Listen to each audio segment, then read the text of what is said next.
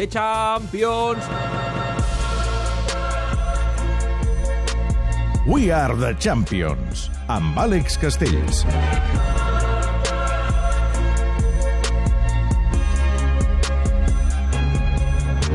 Temps per la Champions al Tot Gira i mira, veig que ja ha arribat la Carme Lloberes. Carme Lloberes, què tal, com estàs? Eh, ja veig Diu que, que bé, saluda aquí. bé, sí. No, després face to face. Abans Champions amb l'Àlex Castells. Àlex, què tal, com estàs? Bona tarda. Molt bé, bona tarda. Aquesta setmana podem tenir ja els primers classificats per als vuitens de final, però també les primeres eliminacions. Arribats a aquest punt, aquesta quarta jornada, el marge d'error per a molts és eh, escàs. Home, hi ha molts equips, eh, amb l'aigua al coll, i fins i tot el Barça, a l'Amsterdam Arena, s'haurà de posar les piles. Partit trampa. Els que ho tenen més ben encarrilat, lògicament, els tres que fins ara han sumat els 9 punts de 9 de possibles. Madrid, Bayern i Dortmund. Avui en parlarem del Borussia Dortmund. I, en canvi, sobretot pinten bastos a Bilbao.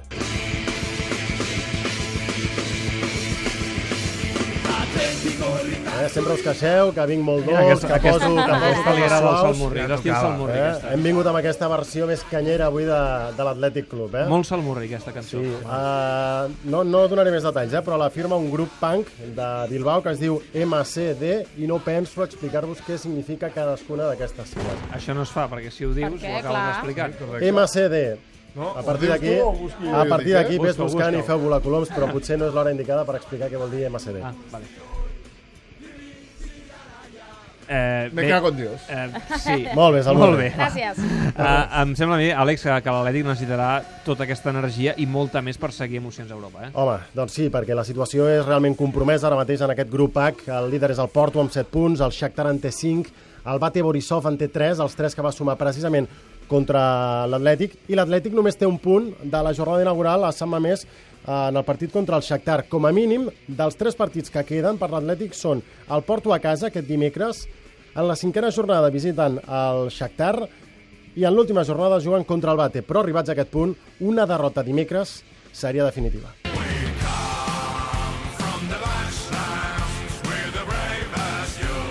L'Atlètic es torna a encomanar a la masia de Sant Mamés. Han hagut d'esperar 16 anys per tornar a jugar a la Champions. L'últim precedent, primer i últim, va ser la temporada 98-99, aquella Champions Luis, eh, amb Luis Fernández a la banqueta. Mèrit especial perquè en aquella època només d'Espanya anaven el campió i el subcampió. Ho va aconseguir l'Atlètic, però no va passar de la primera fase. Només va sumar 6 punts, amb una victòria i 3 empats, en un grup en què hi havia la Juventus, el Galatasaray i el Rosenborg. Aleshores, només van aconseguir una victòria a Sant Mamés i contra el Galatasaray per la mínima i amb un gol d'un dels grans mites de l'Atlètic. 7 de enero del año 74 nació en Portugal, lujo, mejor dicho, un gran milagro, pues fue un gran lujo verlo. Allò que en Anglaterra coneixen com el One Club Man, un home que va estar-se tota la vida sencera al seu club, 24 anys a l'Atlètic, del 92 al 2006, el primer equip, gairebé 400 partits. És, ho sabeu, oi? Julen Guerrero. Doncs uh, aquest home, aquest One Man Club, el tenim al telèfon. Julen, què tal? Com estàs? Buenas Hola, noches. ¿qué? Buenas tardes, ¿qué tal? Um, com va la vida? Com estàs?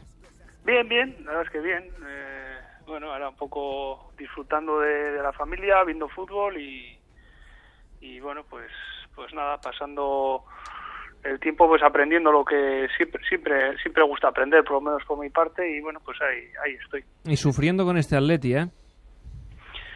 Sí, la verdad es que, bueno, afortunadamente con los dos últimos partidos en Liga que se han conseguido los seis puntos, pues yo creo que se ven las cosas con más optimismo eh, y un poco pues se puede empezar a mirar ya más hacia arriba, ¿no? Pero sí ha sido un inicio de temporada pues difícil, donde el equipo pues no, no está encontrando el camino y, y bueno, pues tanto en Liga como en Champions pues las cosas se, se están complicando.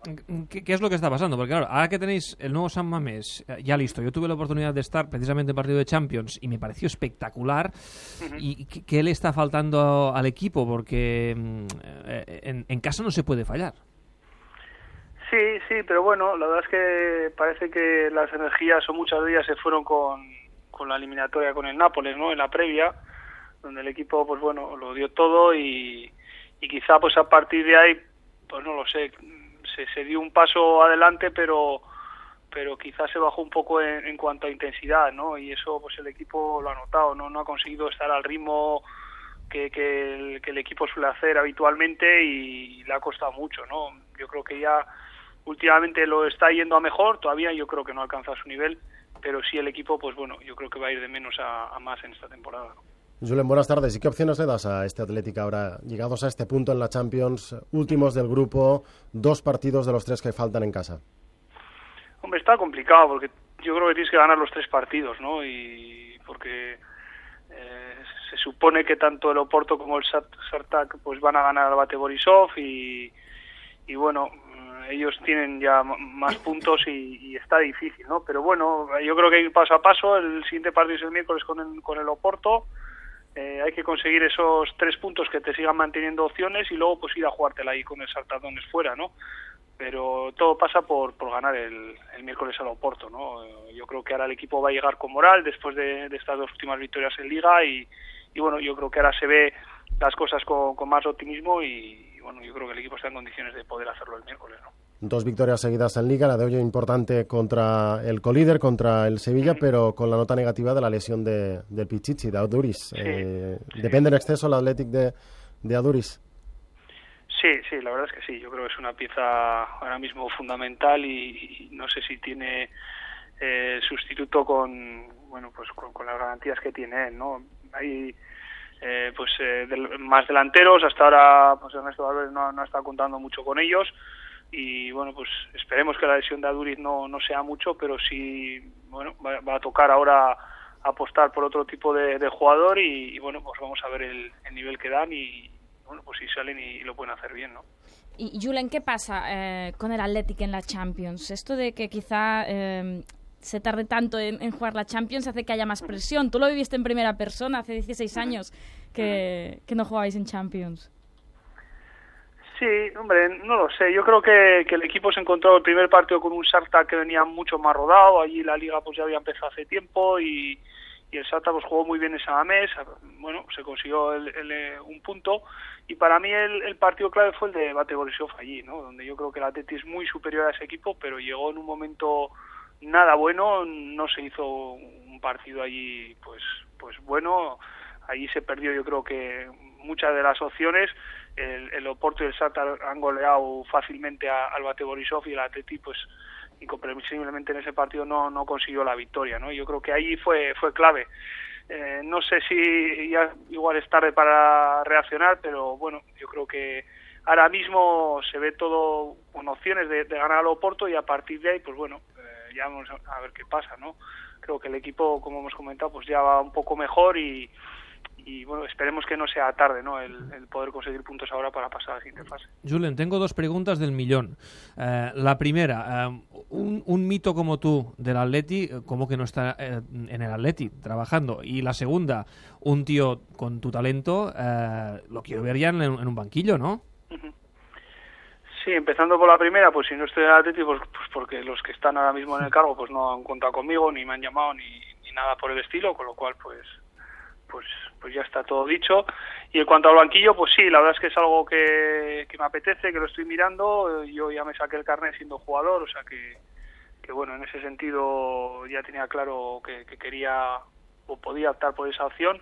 Cada vez es más apetecible para mí y bueno, pues pues eh, ahí estamos eh, con alguna opción y esperando también algo que, bueno pues que llene y, que se pueda afrontar desde luego hombre alguien como tú un jugador que ha estado toda la vida en un club yo supongo que ahora has soñado más de una vez que has ganado un título y no sé si la Champions con el Athletic siendo tú el entrenador.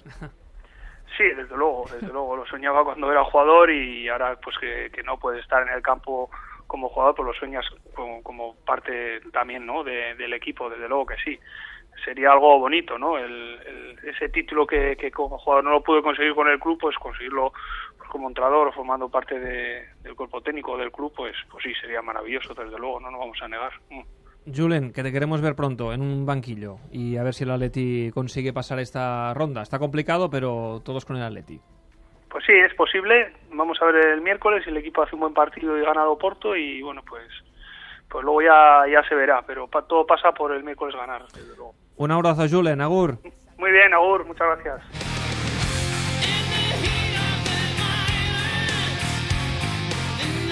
Hem sentit a Julen Guerrero parlant d'aquest Atlètic de Bilbao, que ho té magre, però que lluitarà per continuar viu a la Champions. Ara parlem del Borussia Dortmund. D'un cas estrany, eh? estranyíssim. I deixa'm que, que entrem amb, amb Scorpions, eh? parlem de d'Alemanya. Avui vas fort, eh, amb Ah, les sí, músiques. sí, em demanàveu canya, doncs avui he vingut amb heavy metal. Satisfer el- el perquè. Jürgen Klopp eh, rec reclama eh, aquesta particularitat del, del, del seu Dortmund, eh? el heavy metal, en comparació, per exemple, amb l'orquestra de l'Arsenal. Això li va funcionar molt bé l'any passat al Dortmund. També li està funcionant molt bé aquesta temporada al Dortmund a Europa, però aquest Dortmund és una miqueta com el seu entrenador, eh? Dr. Jekyll i Mr. Hyde, una mena de bicefàlia.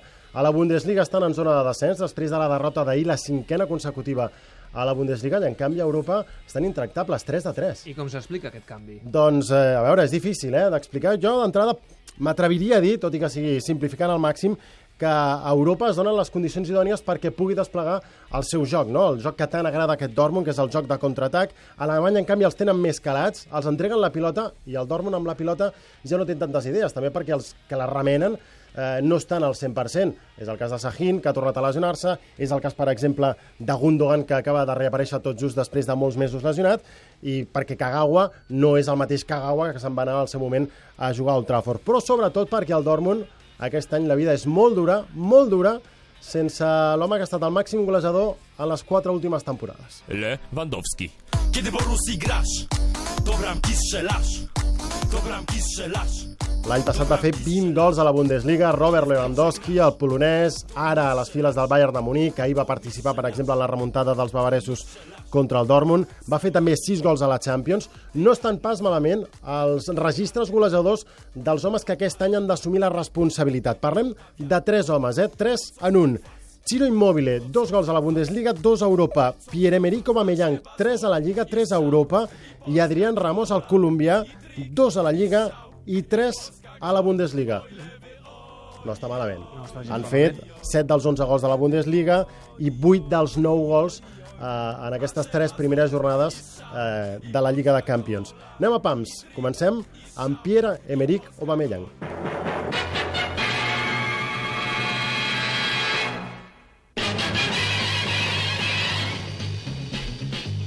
Sona aquesta sintonia, oi? No. Ah, Spider-Man. Ara Sí, sí. oi, diu no. Eh, de Spider-Man, ara sí. Has passat moltes tardes de la teva infància mirant segurament algun capítol sentit de, de Spider-Man, també, de no? Spider-Man. Spider-Man, per què? No és cap casualitat, eh? La seva carta de presentació davant dels aficionats del Dortmund va ser en una Supercopa alemanya contra el Bayern, ara fa dos estius, i com ho va celebrar? Amb la màscara de Spider-Man, eh? Va ser la millor manera de fotre's als aficionats del Signal Iduna Park a la butxaca. Però també el coneixen com a Usain Bolt, perquè és un jugador rapidíssim. No és d'entrada un davanter centre referencial, però últimament Jurgen Klopp l'està fent servir com a home més avançat. Va ser el cas, per exemple, ahir en el partit contra el Bayern de Múnich. Però Aubameyang poc juga, sobretot a la banda. Eh, internacional amb Gabon, és, com dèiem, la segona temporada al Dortmund. Pràcticament tota la carrera a França, perquè ell va néixer a Laval. Per què? Perquè el seu pare, futbolista professional, jugava al Levallois. Però és una família futbolista, eh? Uh, també ho és el seu germà Billy, la seva germana Catilina, però a totes les famílies hi ha sempre una ovella negra. I wanna be a I és el petit dels Aubameyang.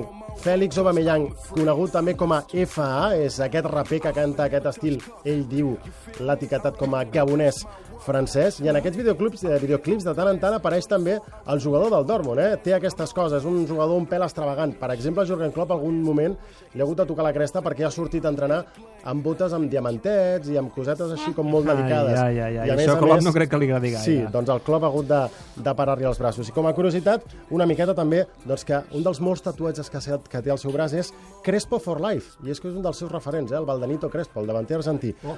És un cas. Pierre-Emerick Aubameyang, respecte absolut per Valdenito Crespo, eh? però a Dortmund l'adoren.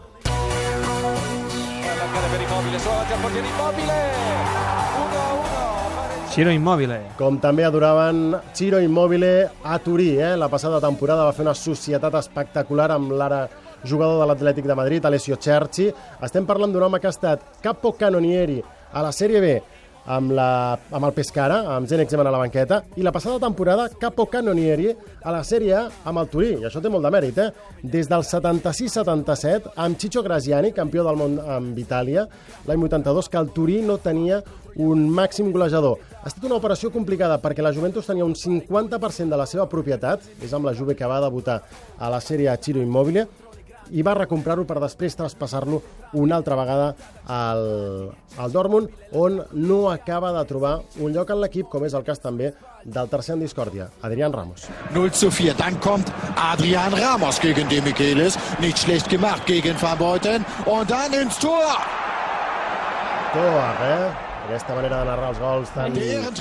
Toag, doncs se n'ha fet un tip, eh, de, de fer togs a Alemanya, perquè abans d'arribar al Dortmund va destacar eh, sobre manera al Hertha Berlín, ha fet una pila de gols, eh, les quatre últimes temporades s'ha assegurat un mínim de 10 gols amb el Hertha, en va fer un d'important, per exemple, al camp de Duisburg, que va suposar eh, o va certificar l'ascens del conjunt de la capital a la Bundesliga, és un jugador tot fibra, que pot jugar així com a davanter centre, però que no acaba de trobar un lloc a la formació titular de Jurgen Klopp, i ha de vigilar molt el tècnic del Dortmund, perquè darrere d'aquest jugador, d'Adrián Ramos, hi ha tot el suport del seu poble, de Villarrica. Aquesta és la situació que, per exemple, es va donar aquest estiu abans que el seleccionador de Colòmbia fes la llista definitiva per al Mundial. Escolteu.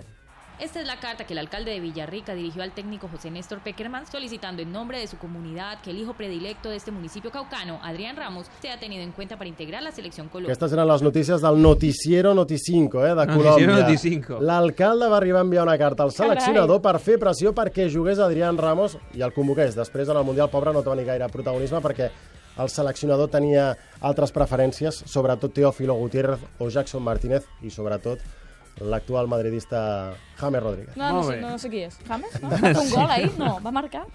Al Mundial en va fer uns quants. Sí. Gol Cubala, veurem si és gol Cubala de la setmana. Gràcies, Àlex. De seguida el xic groc amb la Pere Bosch.